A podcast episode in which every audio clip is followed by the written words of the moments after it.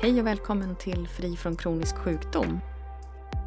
Podden med namnet som antyder att vissa sjukdomar eller mm, diagnoser, tillstånd som vi tror eller har fått höra är kroniska kanske inte behöver vara det. Att det faktiskt finns någonting att göra åt det. Som vi kanske inte har fått veta någonting om ännu nygammal kunskap. Flera av oss kanske vet det här någonstans inuti men ändå inte riktigt har tillämpat det på sig själv eller en närstående. Jag säger inte att det här gäller allt, men jag säger att det kan vara värt att testa om det du har inryms i kategorin neuroplastiska symptom eller nervbanesymptom eller eh, primär smärta, centraliserad smärta. Om man ska vara petnoga, ordet kronisk, det för ju ofta tankarna till livslångt. Men eh, enligt vissa definitioner så är det motsatsen till akut och innebär att någonting har varat i minst tre månader. Det kan vara en poäng ändå att, att poängtera, en poäng att poängtera det här Kronisk betyder inte nödvändigtvis för alltid, rent språkligt, även om det ofta används så. Tror man att någonting är livslångt kan förväntanseffekten ställa till det väldigt, vilket ju är hela poängen med den här podden. Idag ska vi prata om modeller hur vi har modeller som kan vara medfödda delvis, men som framför allt skapas under vårt liv. Modellerna är detsamma som hjärnans uppfattning om vilka vi själva är och hur vi förhåller oss till världen. Jag är så här, jag gör så här, jag ser världen så här. Och när vi talar om placebo, neuroplastiska symptom så är det många hjärnforskare som använder det här ordet modeller och som menar att vi på olika sätt kan påverka fysiska symptom som styrs av hjärnan. Till exempel huvudvärk, illamående, yrsel, vissa allergier, magproblem. Ja, ni vet, listan är ganska lång. Jag hamnade på ett avsnitt av Kropp och själ i Sveriges Radio P1. Och det är jag väldigt glad för. För i studion satt det professionella forskare och eh, yrkespersoner och berättade om det här. Hur det går till, så långt vetenskapen vet, men framför allt att det går till, så att säga. Att forskningen visar på väldigt goda resultat när man jobbar med modeller för att påverka fysiska symptom i kroppen. Avsnittet av Kropp och själ sändes den 22 september 2020, i alla fall där jag lyssnar på poddar. Det finns säkert kvar på Sveriges Radios hemsida och i flera olika appar för att lyssna på podd. Avsnittet av Kropp och själ från den 22 september 2020 heter Hypnos från hokus pokus till medicin.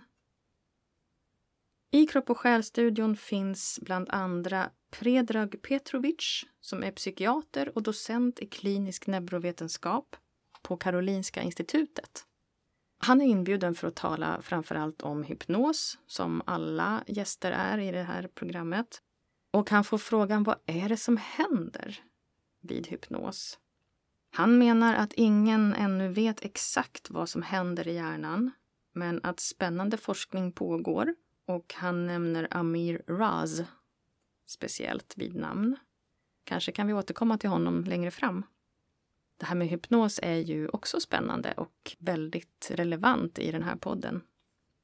Hypnos förändrar vem man tror att man själv är och hur man förhåller sig till världen, säger Predrag Petrovic, docent i klinisk neurovetenskap på KI.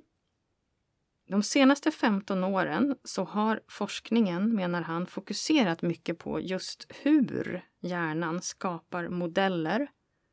Både av sig själv, hjärnan alltså, och av omvärlden. Det har visat sig att de här modellerna har kanske större påverkan på hur vi upplever oss själva och världen än vad information utifrån har. Konstpaus. Betänk. De här modellerna som till viss del är medfödda men som vi framför allt skapar under livet. De kan ha större påverkan på hur vi upplever oss själva och världen än vad informationen utifrån har. Och det här gäller ju till exempel smärta i många fall. Det säger eh, Predrag Petrovic själv i, den här, i det här programmet. Och det som händer när någon blir hypnotiserad det är att de här modellerna förändras. Men hur gör man då för att förändra de här modellerna? Ja, det är mycket vi inte vet, men det är mycket riktigt nära till forskningen runt placebo, menar Petrovic, och det forskar han också mycket på. Inom ramen för forskningen på placebo förändrar vi också modeller, fortsätter han. Där är vi också inne och förändrar folks idéer om hur de uppfattar sig själva och hur de till exempel då som sagt uppfattar smärta. Kanske handlar det vid placebo om en något mindre djup förändring än vid hypnos. Förändring av modeller görs ju också vid psykoterapi, påpekar han. Vanlig KBT. Man går ju in och förändrar hur folk ska uppleva sig själva och världen, menar han. Så i alla de här tre fallen, hypnos, placeboarbete och KBT, så jobbar man med att förändra en individs modeller. Det sätt på vilket de medfött och framförallt inlärt tolkar sig själva och världen. Petrovic fortsätter med att berätta att Idag tror vi utifrån hjärnforskning att en av hjärnans viktigaste förmågor är att skapa modeller och jämföra sina modeller om världen och sig själv med inkommande information. Och sen hela tiden uppdatera de här modellerna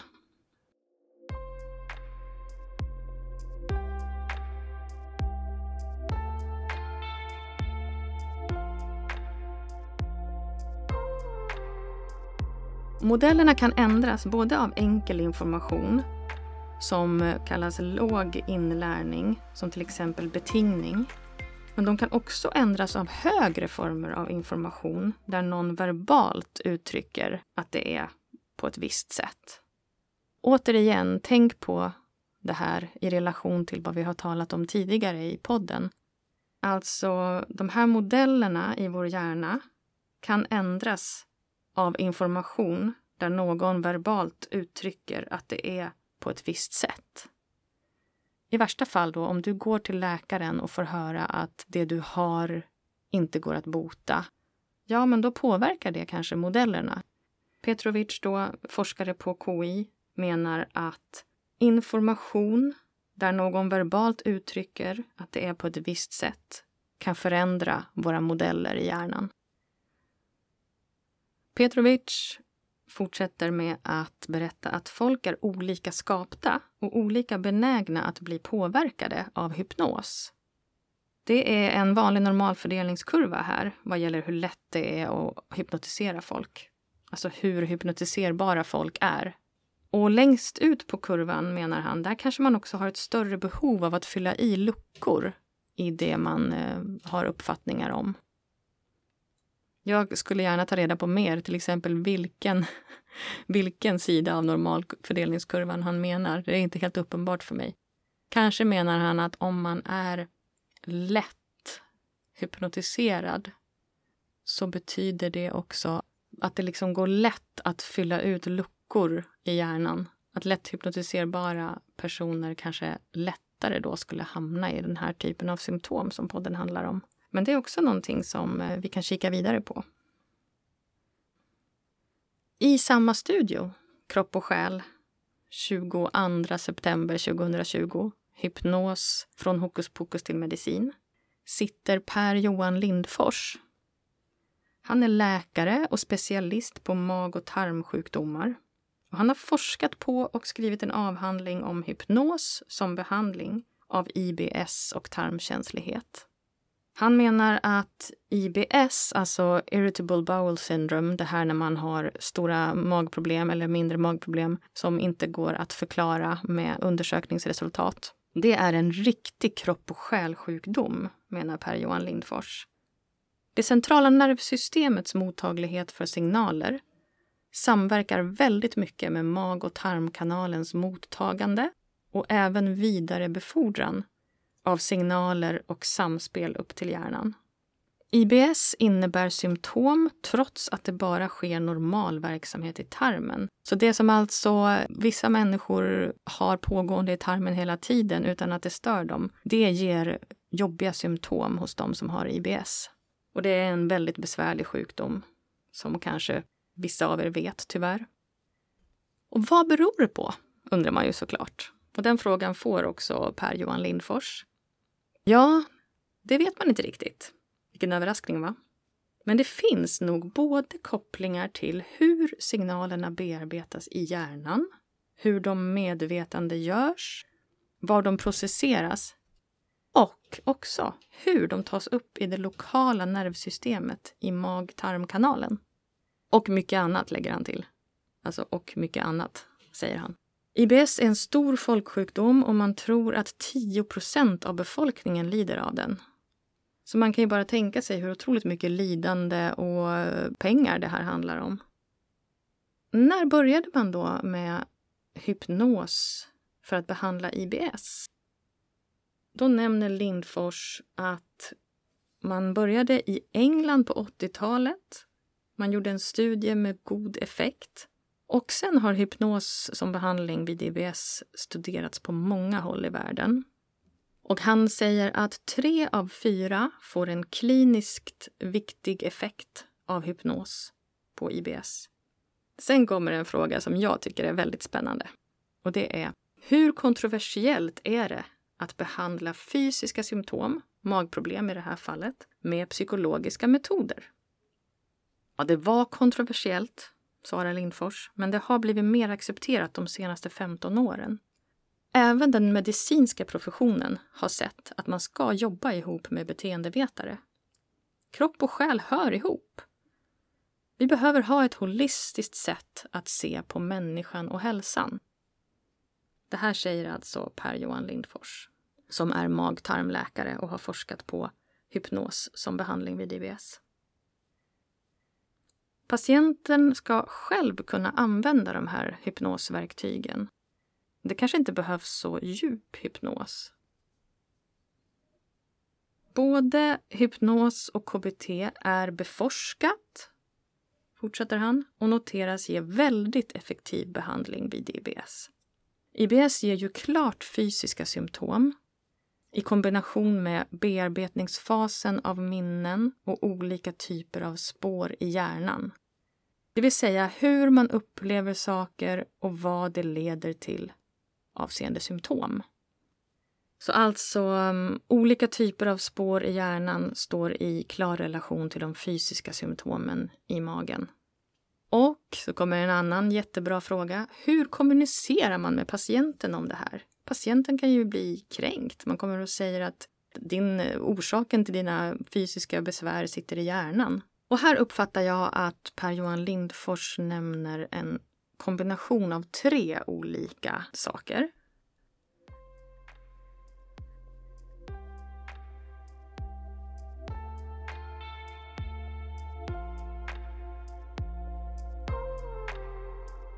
Det första är att man måste ha rätt sätt att tala med patienten.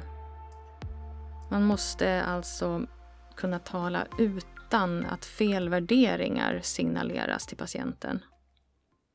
Det andra är att patienten har ofta själv märkt att till exempel magproblem och huvudvärk ökar när de är stressade. De förstår att allt hör samman och att det inte är något eget litet mag-tarmsystem de har som jobbar för sig självt.